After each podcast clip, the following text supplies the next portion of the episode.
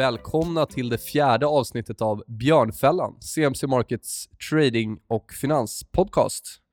Mitt namn är Nils Brobacke och jag har med mig min kollega. Kristoffer eh, Bergen heter jag. Just det. Vad ska vi prata om idag?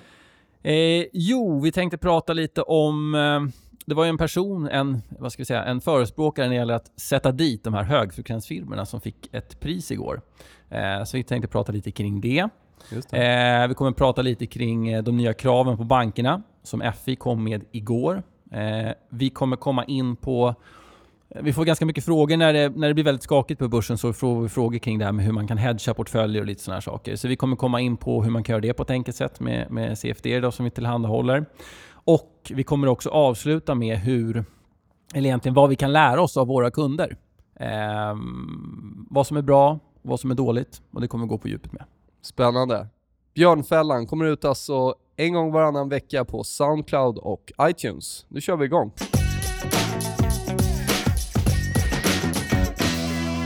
Då börjar vi med första delen då, där vi tänkte prata om eh, Erik Scott Hunsader som, har, eller som bedriver eh, Nanex. Just det. Och vad är Nanex? Det är väl både en eh, börs va? Där ja. man kan göra sina affärer. Eh, och det han är mest känd för det är väl sina digra analyser kring flöden på finansmarknaden. Framförallt så riktar han in sig mot högfrekvensfirmor och har väl ett litet ont öga eh, mot dem. Mm. Både mycket information på Twitter, mycket research som kom ut från Nanex och för er som har tittat på dem så var han med i många av de här dokumentärerna kring flashcrashen ja. och var väl en av de som bäst förklarade eh, vad som pågick där.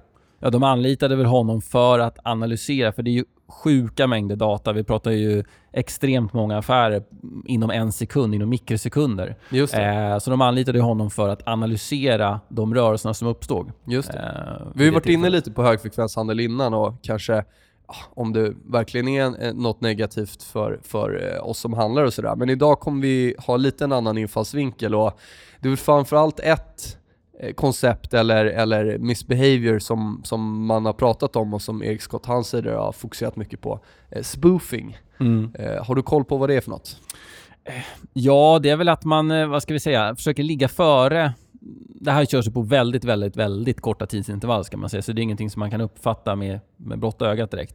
Eh, men det handlar väl om att, att ligga före och trycka kursen och sen så flytta bort ordrarna. Mm. Lura marknaden helt enkelt ja. och sen så utnyttja den felprissättningen. Ja men framförallt, man skapar ju en bild av, eller en felaktig bild av hur en orderbok ser ut. Mm. Låt oss säga att man vill sälja en aktie. Eh, då skickar man in stora limit buy-order, alltså köpordrar, för att ge marknaden en bild av att köpsidan är betydligt större än vad den är då. Mm. Eh, vilket då driver upp priset och sen handlar man från andra sidan.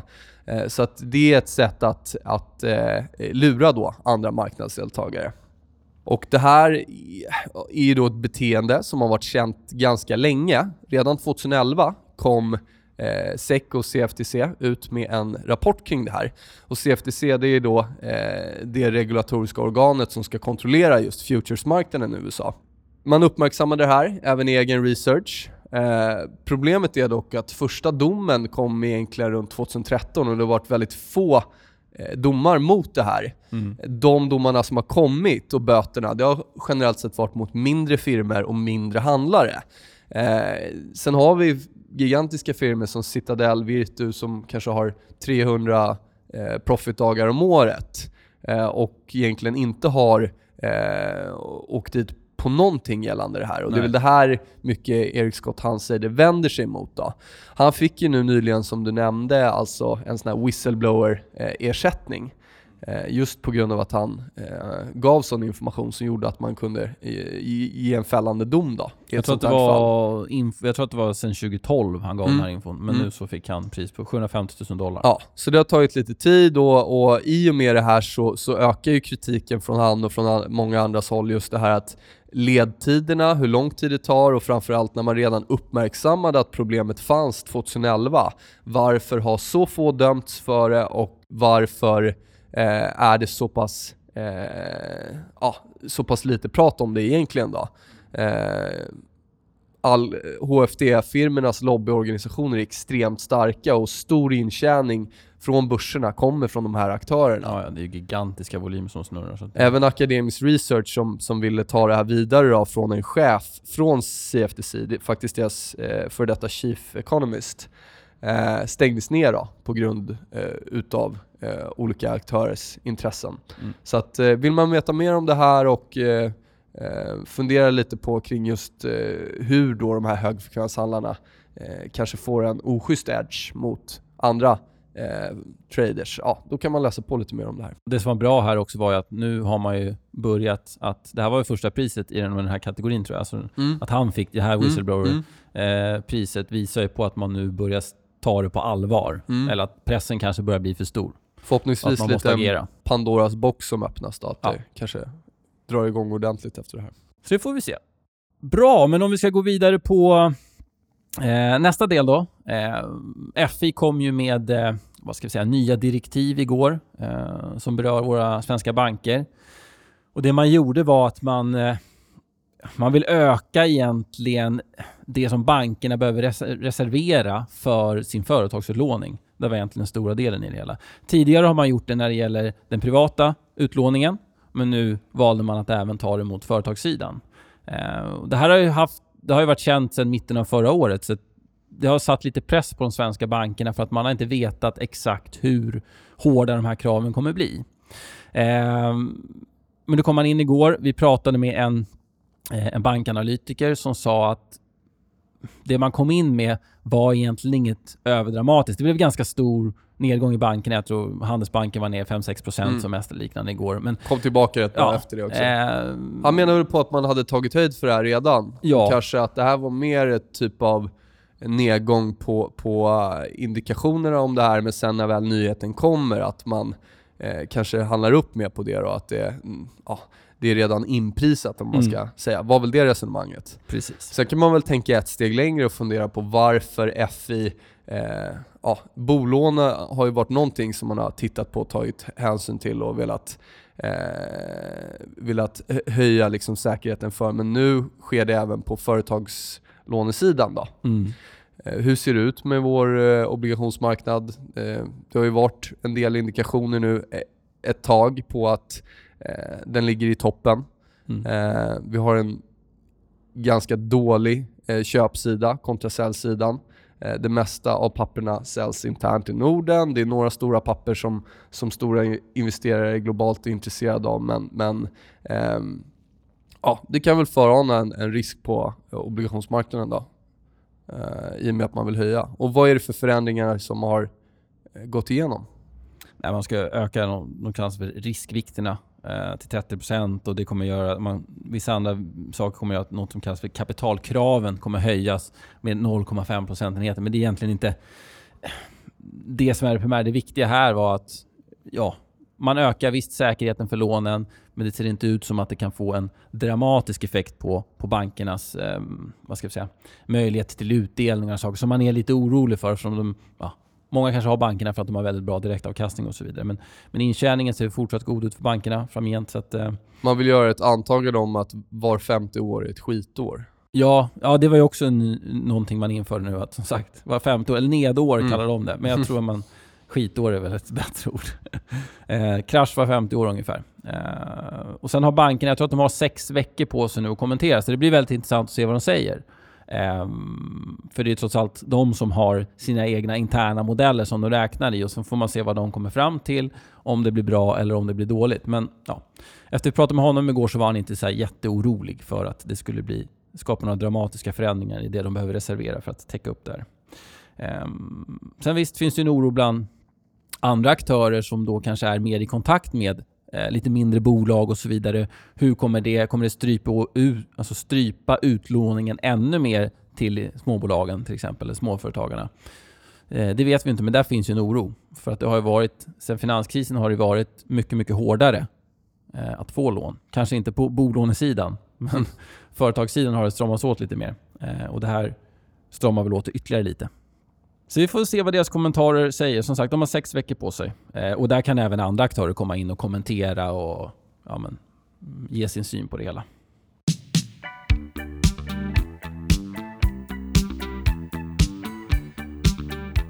Så då var det dags för nästa del och eh, här tänkte vi prata lite om det här med att hedga och skydda upp någonting. Eh, oftast handlar det om att kanske skydda en aktieportfölj, men eh, som vi alla vet, eller som vi har känt av, så har det varit skakigt sedan början av året. Just det, och då kan ju en hedge vara på plats. Precis, för att kanske lugna nerverna lite. Eh, men det är kanske inte alla som har, en koll på, som har koll på vad en hedge är för någonting och egentligen hur enkel, hur enkel den är att implementera. Vad är en hedge, Kristoffer? ja, vad är en hedge? Jo, tanken med en hedge, eh, som också är viktigt att komma ihåg, det är att hedgen i sig ska egentligen inte vara en spekulativ position, utan hedgen ska generera en avkastning där jag förlorar avkastning på någonting annat. Eh, det enklaste att tänka är att säga att jag har en aktie som jag tror på på lång sikt, säger vi som ett exempel. Men det är oroligt nu, men jag vill inte sälja av för det är utdelningsperiod eller vad det nu är för någonting. Jag vill behålla min aktie, men på något sätt så vill jag eh, säkra att om det blir oroligt igen, vi säger det börjar blåsa upp oro kring Kina igen och börsen faller 15% så vill jag ändå ha någonting som skyddar mig. Enkelt att göra då, det är att egentligen att okej, okay, hur stor är min position i, vi säger H&M då? Ja, den är 100 000. Okej. Okay. Vad kan jag göra för att få intjäning om de här 100 000 i H&M skulle sjunka i värde? Ja, då behöver jag hitta då en produkt eller någonting som rör H&M som ökar i värde när H&M går ner. Och det enklaste är egentligen att man, man blankar H&M eller så ett använder... till ett bara alltså? Att ja. om man är lång 100 000 så går man kort 100 000? Exakt. För att konsekvensen blir att det jag tjänar på ena sidan förlorar jag på andra sidan och vice versa. Och eftersom då tanken med hedgen är att skydda upp någonting och inte egentligen öka sin avkastning så har jag uppnått mitt mål. Jag kommer egentligen, det kommer inte hända någonting med min portfölj. För det jag tjänar på ena sidan förlorar jag på andra sidan. Och som sagt, vice versa. Det andra steget, jag tar det lite längre, det är att man kanske går ifrån det här med ett till ett hedgen att kanske mer titta på index. För att ofta har man ju kanske en aktieportfölj mm. som består av, inte vet jag, 15-20 bolag eller någonting. Eh, då är det ju det är inte svårare, men det blir lite mer pill med att liksom hedga ett till ett i varje enskilt innehav. Eh, så vad man kan göra då? Låt säga att man har eh, en portfölj då som är, det är blandning av bolag, men det är en del storbolag och så vidare. Enkelt att bara gå till svenska index. Eh, blanka då, eller ta en kort position. Eh, spekulera i nedgång i svenska index. Åker börsen ner så får jag en intjäning på den positionen. Behöver jag binda upp hela 100 000 kronor då? Eller vad, vad är tanken eh, där? Nej, det beror lite på hur man gör. Ja. Eh, nu jobbar vi på ett företag som tillhandahåller CFD, så vi kanske kommer vara lite mer pro-CFD i det här sammanhanget. Men det finns ju en, en del produkter där ute där man inte behöver binda upp allt kapital. Vilket betyder att har jag en portfölj på en miljon, ja men då kanske jag inte har en miljon som ligger vid sidan som jag ska använda om det blir läge att hedga så fungerar ju inte de flesta personerna. Utan man har ju kanske större delen av sitt investerbara kapital ligger förmodligen kanske investerat. Eller så kanske man har likvider på, inte vet jag, 20%. Eller bara inte vill binda upp större delen av sin Nej, likvid precis. till en hedge. Exakt, så kan det också vara. Man kanske vill gå in i marknaden också om det visar sig att det vänder upp. Eh, men om man då ska kika lite på hur CFD fungerar som produkt eh, så är den egentligen väldigt enkel i sin uppbyggnad. Fördelen med CFDs, eh, som jag tycker, är att du har en prissättning som är väldigt tydlig. Eh, och med det menar jag att värdet på CFD speglar värdet på den underliggande marknaden. Så att om index står i 1500 så har vi CFD på 1500. Stiger index till 1501 så stiger CFD till 1501 i värde. Men det är alltså oavsett hävstång, oavsett hur det ser ut på marknaden då? Ja. Till skillnad från kanske andra produkter som har, som har en daglig omräkning ja. eller det kan vara svårt att se eh, direkt hur produkten prissätts för det kanske är fyra eller fem olika variabler att ta hänsyn till istället för att OMX står i 1350. Precis, här behöver man egentligen bara ta hänsyn till hur man, vad man tror om indexets rörelser. Eh, sen så är det som så att eftersom vi har den här alltså 1-1-relationen mellan CFD och den underliggande marknaden så det är väldigt enkelt att styra den exponering jag vill komma åt genom att jag bara styr värdet på positionen. Har jag, vi säger en miljon som jag vill skydda upp, ja men ta motsvarande position i index som är värt en miljon. Och då funderar ni kanske på, okej, okay, men jag behövde ju inte ha en miljon sa ni på mitt konto. Och det är så med CFD så, om vi ska hålla det väldigt enkelt, man handlar med någonting som heter säkerhetskrav, vilket är en, en procentuell andel av det kapital som behöver bindas upp, reserveras för att få ta den här positionen det är väldigt mycket lägre än positionens totala värde. Så tar jag en hedge i OMX, svenska index, då kanske jag behöver binda upp 0,5% av det kapitalet eller 1% eller vad det Ja, kan sen vara. behöver man kanske ha lite rörelse i hedgen eftersom vi, vi går in och stänger positioner om det går för mycket åt fel håll. Men eh, man behöver definitivt inte ha en miljon. Man kanske kan ha 50 000 eller 100 000. Det beror lite på hur mycket utrymme man vill ha i rörelsen i själva hedgen. Eh, men konsekvensen blir då att jag får egentligen bort marknadsrisken. Mm. Jag tar bort indexets rörelse. Sen har jag ju bolagens enskilda rörelse. Har jag tur så har jag bolag som rör sig bättre än index Mm. och då kan jag till och med få en positiv avkastning trots att jag har en hedge som ligger på liksom hela portföljens värde. Det där finns ju, man kan ju tänka i andra termer också i form av att man kanske är lång då en bank och sen kan ju en hedge vara att korta en annan bank, alltså en annan aktör i samma sektor då, Absolut. som man kanske tror mindre på. Ja. Det finns ju flera sätt att hedga. Eh, vissa eh, gillar inte att gå kort i till exempel ett index. Även om vi har en, en nedåttrend så tenderar uppsvingarna i en nedåttrend att vara väldigt branta. Det kan vi ju inte minst se hur det har sett ut eh, nu under den här nedåtsvingen som har varit. Mm. Uppställen är väldigt, väldigt snabba uppåt och det kan vara svårt att ligga på en hedge eh, när det är så volatilt. Eh, det finns lite andra alternativ. Jag vet inte om det är någonting du har tittat på, men till exempel ligga, gå lång i ränta Mm. när börsen går ner. Eh, ett väldigt vanligt sätt och, och det är oftare ett, eh, ett lättare och ett mindre volatilt sätt att, att få en exponering åt det negativa hållet. Då. Ett annat sätt kan vara att gå kort eller lång i ett valutapar Mm. som antingen har positiv eller negativ korrelation mot ett index eller en aktie. Eh, även en råvara till exempel. Tar vi olja nu på senaste så har det ju varit korrelation 1 till 1 med index. Eh, så att det finns ju flera sätt att få det här skyddet. Absolut. Eh, även om det inte är 1 till 1 Nej. hela tiden. Nej, man får bort en del av risken. Det man, det man ska tänka på, om man kanske inte har, har, har använt sig av alltså att hedga portföljer, vad det nu är för någonting tidigare, så tycker jag ju längre ifrån man kommer liksom ursprunget som man vill skydda, aktien, desto mindre du nämnde olja. Vissa Mm. olja har rört Mm. sig väldigt mycket i relation till liksom olja upp, börs upp, Mm. olja ner, börs ner. Eh, men desto längre ifrån man kommer själva kärninnehavet, desto mindre ett till ett blir ju själva, hedgen. Absolut. Eh, och jag ska inte säga att den blir mer komplicerad, men man behöver tänka eh, några steg längre tror jag. Mm. Eh, och man får inte bort risken på samma sätt. En typ av, om man går ifrån det här hedga 1 till 1, är ju kanske att, om, att man bygger en portfölj med tillgångar som man handlar eh, som är okorrelerade mot varandra eller i alla fall ska ge avkastningar i olika typer av marknadsklimat. Då. Eh, och då är det klart att då blir ju varje enskilda marknad viktig. Mm. Eh, däremot så ser man att eh, i slutändan så funkar eh, ofta några av de här pristillgångarna som perfekta hedgar mot andra exponeringar. Då. Eh, så att, eh, men det är som du säger, det kanske är nästa steg att bygga en portfölj där varje specifika tillgång handlas som en specifik tillgång men att den totala exponeringen på portföljen och totala risken sjunker. Mm. Ehm, så att eh, det är lite olika skolor. Vill man bara skydda sitt kapital under en skakig period eller vill man börja handla kanske mer pristillgångar som, som kan ge avkastning eh, beroende på marknadsklimat? Då? Sen är frågan, ska man hedga? Eh, där får man väl kanske fundera lite själv, men ska man hedga 100%? Det vill säga, hedgen ska vara lika stor exponering som portföljen, eller ska man gå in med 50%?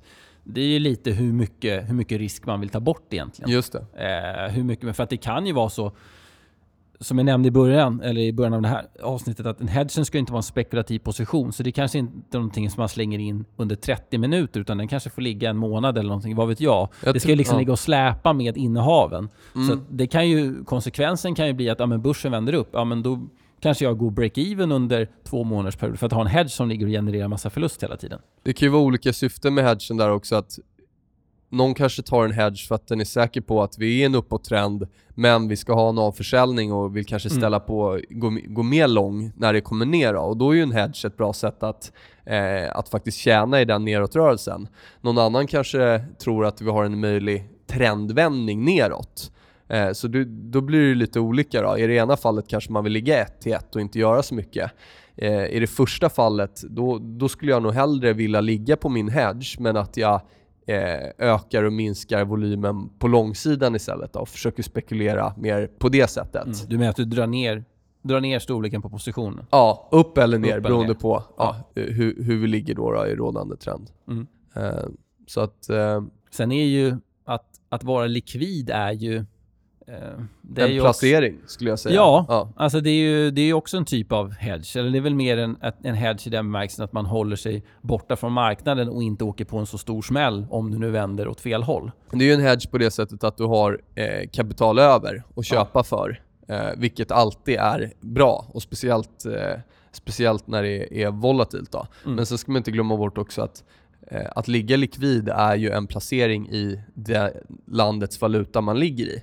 Sen när man har sin köpkraft i svenska kronor, ja, men då är det naturligt att ligga likvid i svenska kronor. Då. Mm. Eh, men det är, ändå ett, det är ändå en position i svenska kronan mot x antal andra tillgångar, då, så man mm. kommer ihåg det. Eh, och vi har pratat om det här tidigare med hur svårt det är att, hur svårt det är att vara liksom en, en hardcore buy and hold investerare. Eh, jag såg någon, det var någon undersökning som Morningstar hade gjort. Eh, då kollade man på, då man gick tillbaka ända till 1926. Eh, S&P index hade avkastat ungefär 10% i snitt. Eh, kollar man på vad genomsnittsinvesteraren hade fått under den tidsperioden så hade man kunnat ja, men de har fångat ungefär 75% av den rörelsen så att man hade genererat då eh, 7,5% per år. Då tog man ett steg längre och kollade på okay, hur kan jag kombinera en portfölj där jag liksom är fullinvesterad hela tiden men ändå får den avkastningen. Det man kom fram till var att man med en väldigt stor del i amerikanska räntepapper, jag tror att det var femåringen, så jag tror att det var 60% fördelning, femåring och sen så 40% aktier, så hade man fått samma avkastning. Mm.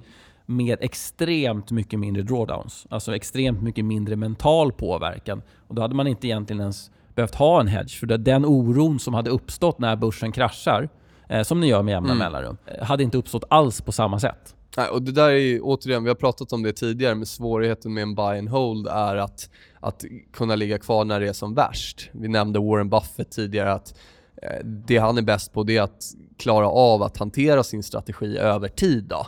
Eh, och eh, det här exemplet som du nämner nu, det visar ju att Eh, det handlar ju mycket om hur, hur lätt och enkel resan ska vara. Om man inte vill göra så mycket, då kanske det är ett bättre sätt att ha den här typen av allokering som du pratar om. Då. Mm.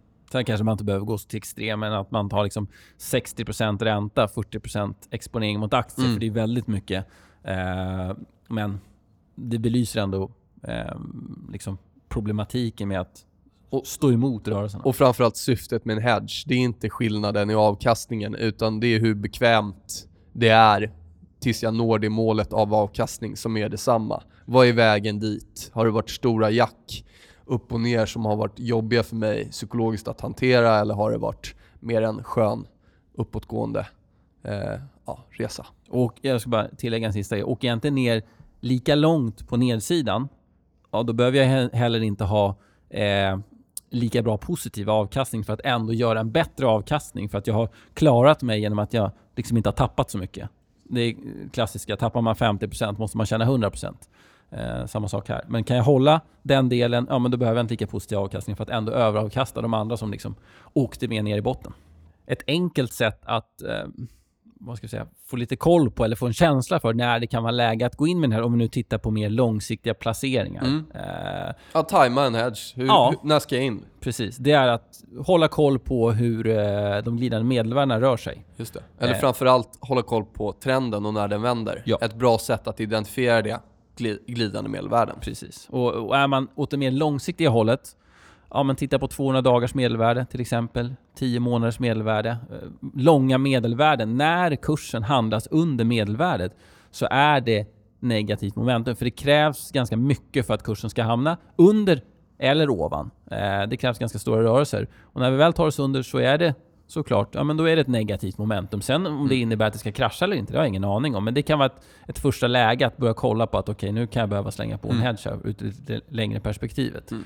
Självklart eh. finns det andra sätt, men det här är ett väldigt bra sätt och jag tycker det funkar både på kortsiktigare strategier men även längre och ja. ha det medelvärdestänket. När ditt snabbare medelvärde kommer över det långsammare så indikerar det en vändning neråt då, och vice versa. Och ju kortare medelvärde man utgår ifrån, ja, men desto fler gånger behöver man slänga på hedgen. Så man kanske inte kan sitta med 10 perioders medelvärde och, och slänga på hedge fram och tillbaka. Då tappar den lite sitt syfte. Just det. Um, men så är det ett enkelt sätt att bara, bara se på det. Mm.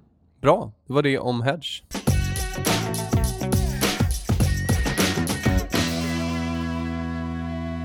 Går vi över på nästa del där vi ska prata om vad vi kan lära oss av våra kunder.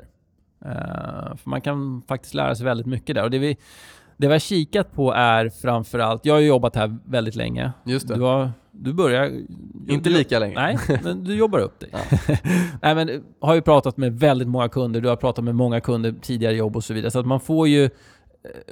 Eh, Alltså man pratar mycket kring strategier, hur man tänker, hur det går, vad man handlar fram och tillbaka varje dag. Mm. Eh, och det finns, alltså om man bortser från själva strategin, alltså jag går, utgår ifrån den här formationen eller de här äh, indikatorerna eller vad det nu är för någonting, för det finns lika många strategier som, som kunder nästan. Eh, men så finns det några gemensamma nämnare som de det går bra för alltid håller sig till. Ehm, och jag tänkte att vi skulle framförallt fokusera på en av dem. Jag tänkte gå igenom de, de fem som vi har identifierat och sen så går vi lite djupare på en av dem. Eh, om vi börjar med det så är de väldigt disciplinerade. Som vi varit inne på i förra podden när vi pratade om marknadspsykologi så är aktiv handel, det är, mentalt på, det är en stor mental påverkan. Och då måste man göra någonting för att minimera den påverkan. Och att vara väldigt disciplinerad, det vill säga inte tumma på sina regler och så vidare, är extremt viktigt. Eh, jag, jag, tror att det är, en, det är en naturlig del av den här resan man gör som handlar om att man går mot ett mer och mer disciplinerat tänk. Eh, som om ni har lyssnat på de andra avsnitten vet att eh, det är där det kommer skilja sig, att exekvera strategin enligt de parametrarna man har satt upp. Då. Det man ser efterhand, eller efter ett tag, det är ju att egentligen alla typer av strategier går mot ett systematiserat tänk och det är på grund av just disciplinen och eh, möjligheten att kunna genomföra den här planen och ha den här disciplinen. Då. Mm. Så att, eh, jag tror att eh, disciplinen kommer med erfarenhet och framförallt ser man det resultatmässigt att när man håller sig till planen, när man är disciplinerad så syns det väldigt tydligt i resultaten. Eh, man kan ha kortare perioder när man börjar tumma på den här disciplinen, eh, men som jag nämnt tidigare, det återspeglar sig nästan alltid i profit and loss. Mm. Eh, att så är inte optimalt att agera. Då. Så disciplin, absolut. Det är, det är genomgående för alla lyckosamma traders skulle jag säga. Och sen en plan hur man ska agera. Mm. Eh, och det är det vi kommer gå, gå djupare in på, hur man skaffar sig en så kallad handelsplan. Då. Just eh, men man har alltid uppsatta regler för när man ska göra X eller när man ska göra Y. Så att man kan vara disciplinerad och slippa tänka så mycket när man väl ska agera. Tills man gör allting av ryggmärgsreflex ja, så ska man ha det nerskrivet. Precis. Det är för att hamna där. Kanske skriva upp dem om det är några speciella saker som man har väldigt svårt för. Inte vet jag. Titta på dem på morgonen när du borstar tänderna. Skriv upp dem på skärmen. Jag vet inte. Gör någonting för dig själv så att du alltid blir påmind om dem. Ju svårare du har att följa den specifika regeln, desto oftare ska du ja, påminnas om den. Eh, nästa del är att riskhanteringsbiten. Det tjatar vi om eh, alla, i alla våra utbildningar nästan. Vi har pratat om tidigare poddar. Men den är extremt viktig. Eh, och det är väl det tror jag de trycker mest på, att de liksom mer är... Eh, för det var någon kund som sa att jag är en... Jag är en när folk frågar vad jag jobbar med så säger jag att jag är en risk manager. Mm. Jag är liksom ingen trader eller mm. om man nu vill använda det uttrycket, utan jag jobbar med riskhantering. Mm, och speciellt om man är aktiv i handeln och sitter och handlar tiotals eller hundratals positioner på en dag, då mm. handlar det verkligen om exekvering och riskkontroll. Jag skulle säga att ju aktivare desto är, desto mer handlar det om riskkontrollen och, och, och exekveringen. Då. Mm. Nästa del det är att man har en, en tendens, eller man har en styrka i att kunna liksom släppa tidigare affärer och bara gå vidare. Ehm, för att, ja, om man hakar upp sig på vad man gjort tidigare, det man kan göra, det är sådär att försöka lära sig av vad man gjorde fel till mm. exempel mm. tidigare. Men att haka upp sig och bli förbannad och så vidare funkar inte. Utan ja, vi pratade om det i förra avsnittet när vi var inne på psykologi, att det här att hela tiden tro att marknaden är oschysst mot en och det är orättvist och eh, det kommer alltid skälpa en i slutändan. Då. Mm. Eh, att mer ha den här ödmjuka inställningen att live är live, saker och ting händer, Eh, jag kommer ha ett track record på sikt eh, som kanske ger en viss standardavvikelse i avkastningen. Eh, men min största drawdown den ligger alltid framför mig. Jag kan inte veta vad det är som kommer hända. Det, det är lite så marknaden funkar. Då. Och hur vi överlever som traders, det är hur vi hanterar de situationerna. Ja, men en stor drawdown som aldrig har skett förut, är det en del av, av strategin att någonting kanske i marknaden har ändrats men att efter jag haft den här stora rådanden så kommer min bästa period? Eller är det så att jag faktiskt måste uppdatera min eh, modell? Mm. Eh, och är man då fast i det här tänket att allt är emot en och man har otur och, och så vidare, och så vidare då kommer man inte ta rätt beslut i de tillfällena. Precis. Nästa del, eh, det är att man, och det här kanske inte är någonting som man tänker på direkt så, men det är att man ska vara redo att handla. Eh, det låter lite tacky kanske, men att har man en dålig dag till exempel, är man inte i balans, det kan vara vad som helst, det kan vara något familjärt eller vad det nu är för någonting. Ja men ta en paus. Mm. Alltså det finns 220 handelsdagar per år eller vad det är. Mm. Man behöver inte sitta jämt, jämt vid datorn och handla bara för att handla. Utan handla när det finns bra lägen, handla när man är i balans. Men om man inte är i balans, då är det bara att ta ett steg tillbaka och sen så ja, mm. lugna ner sig eller vad det nu är man behöver göra. Och första delen där, det kommer in lite på handelsplan, men det handlar ju om att hitta en strategi som passar hur man vill leva sitt liv och vilka timmar man vill sitta framför datorn och om man brinner för att analysera och hitta setups eller om det är mer exekveringen under en dag som man är, eh, attraheras av eller vad det nu är. Mm. Eh, är man en kortsiktig handlare med väldigt många handelstillfällen då måste man, tycker jag, ha en, någon typ av hard stop loss, alltså ett sätt när man slutar handla, man säger att efter tre förluster i rad eller någonting så tar jag en paus.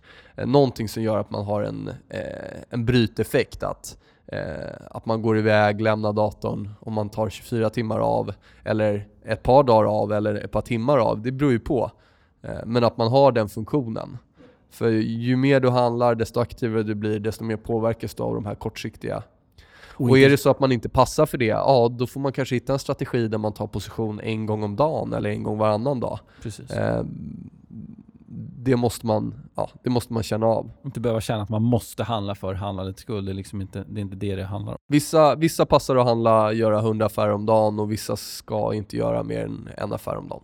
Nej. Det måste man känna Och vissa kanske ska göra en investering i månaden. Alltså mm. Det beror helt och hållet på vad man är för typ av person. Eh, så om vi ska summera de här då. Disciplin, plan, eh, riskhantering, fokusera på nästa affär och alltid vara liksom redo att handla ta ett steg tillbaka om man inte känner sig redo helt enkelt. Men om vi ska gå in lite djupare på det här med att skapa en handelsplan. Just det. Det är egentligen inte så komplicerat utan där handlar det mer om att man ska bara lägga ner lite tid. Mm. Eh, sen betyder det inte det att bara för att man börjar på en handelsplan så betyder det inte att det kommer vara mallen till liksom, rikedom utan den kommer ju behöva förändras och så vidare. Men det många inte ens gör är att fundera igenom varför agerar jag som man gör. Eh, för tanken med handelsplanen det ska ju vara liksom en beskrivning av allt mitt agerande på marknaden. Just det. Så alltså, då måste man till att börja med då, regler för entry och exit. Regler för riskkontroll. Regler för, eh, ja det sa vi ju, entry och exit då. då. Eh, regler för när man kanske inte ska handla. Precis. Alltså bryta ner handeln i de här olika beståndsdelarna. Eh, och, och, och, och, ja, och, och göra en modell för sig själv utav det. Som du säger, Eh, man har någonting man kör på som funkar. Eh, om det funkar mindre bra, då måste man ju utvärdera. Eh, jag tycker PNL är ett jättebra sätt att se hur fungerar min modell kontra vad marknaden gör. Mm. Om jag ser att vinsterna ofta blir för små, man hade kunnat ligga längre i vinsterna, ja, men då kanske jag ska sluta ha en take profit. Jag kanske ska glida, alltså ha en glidande stopploss på mina vinster. Mm. Eller vice versa. Då.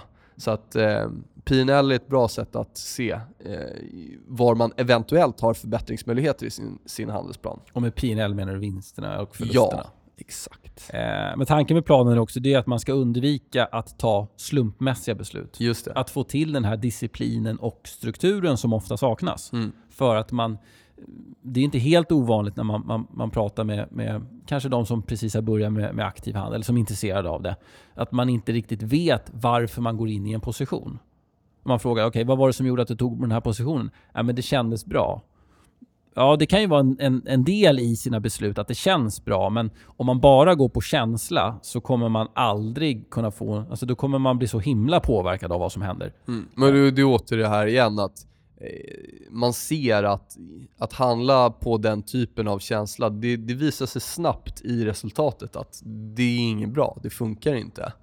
Eh, och även om du har din handelsplan och har skapat den så är det lätt att glida ifrån det. Så gå tillbaka och följa upp, men varför satte jag regler för 1% i stopploss från början? Mm. Om jag satte det där från början för att jag visste att förluster drabbar mig hårt och jag tenderar att ta dumma beslut efter ett par stora förluster i rad, ja men då kanske jag ska fortsätta att ha 1% i risk, även fast mitt totala kapital har vuxit då. Mm. Och vice versa. Och en annan fördel med att, att, att vad ska vi säga, bygga sin plan eller börja med den, det är att det krävs viss typ av, av kunskap för att kunna få ner liksom konkreta kriterier. Man behöver ha lite koll på, okej, okay, vad är det som är en köpsignal? Ja, men säg att jag använder tekniska indikatorer, men då behöver jag ha lite koll på hur de fungerar för att kunna definiera vad ett köpkriterie är. Eh, samma sak med riskbiten som, är, som jag var inne på, extremt viktig. Jag behöver ha lite koll på, okej, okay, är det okej okay att riskera 10% i varje affär? Då kommer jag bli ganska snabbt varse om att det funkar inte riktigt. Så det kan jag inte ha i min handelsplan.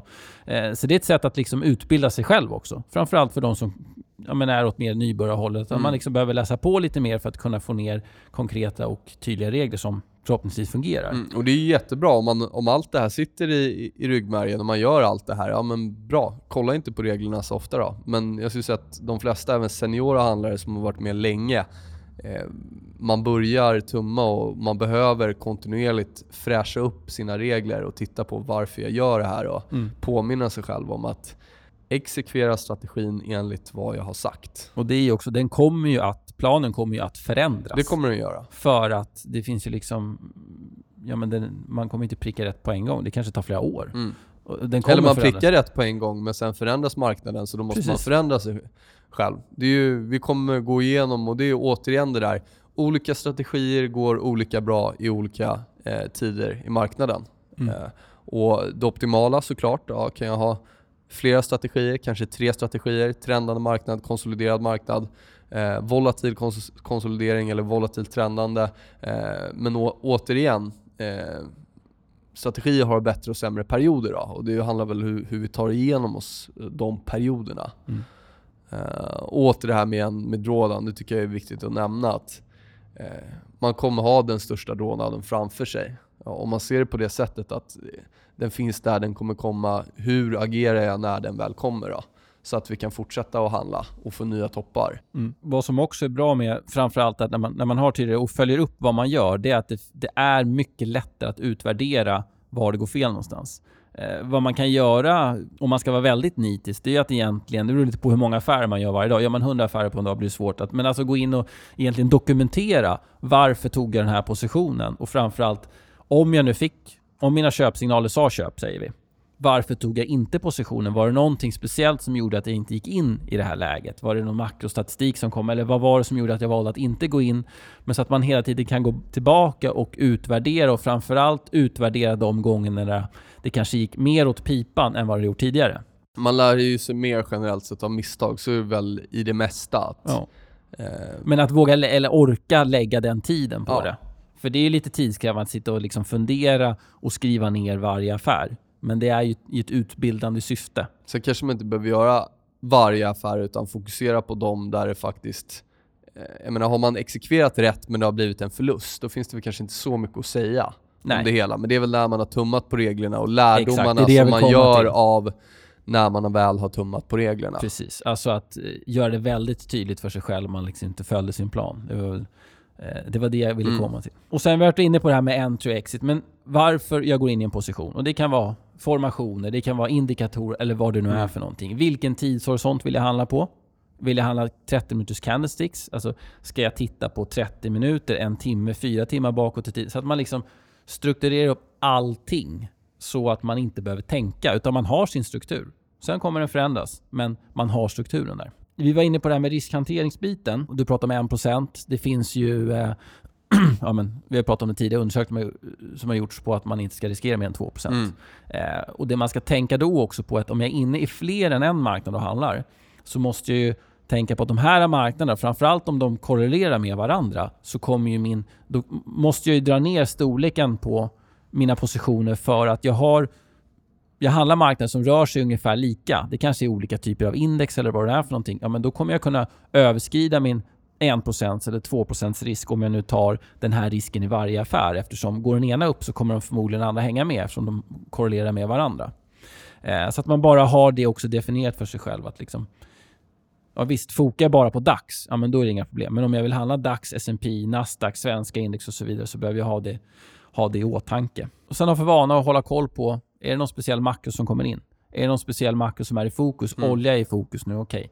Ha lite koll då på när det kommer oljestatt eller vad det är för någonting. Sånt som skapar volatilitet. Sen behöver man inte handla på sig, men bara göra sig medveten om att det finns där så att man kan liksom ta det i beräkningen i sin handel. Och har man ett kortsiktigt system som inte klarar av den typen av volatilitet, enkelt, handla inte. Nej. Du får flera chanser, du kanske har hundratals chanser eh, på en månad eller vad det nu är. Så att då gör det inget om man missar några korta. Precis. Är man däremot långsiktigare eller har längre tidshorisont, då kan snarare volatiliteten hjälpa kanske i sådana situationer. Mm. Så att eh, återigen, det är individuellt. Och det handlar ju om, planen är inte bara när man ska gå in i position, utan det handlar också när man inte ska ha en position mm. överhuvudtaget. Mm. Säger inte mina regler att jag ska gå in och agera, så ska jag inte gå in och agera. Bara för att det kanske känns rätt. För då kommer jag blanda in känslor igen, då kommer disciplinen försvinna och så är jag tillbaka på ruta ett.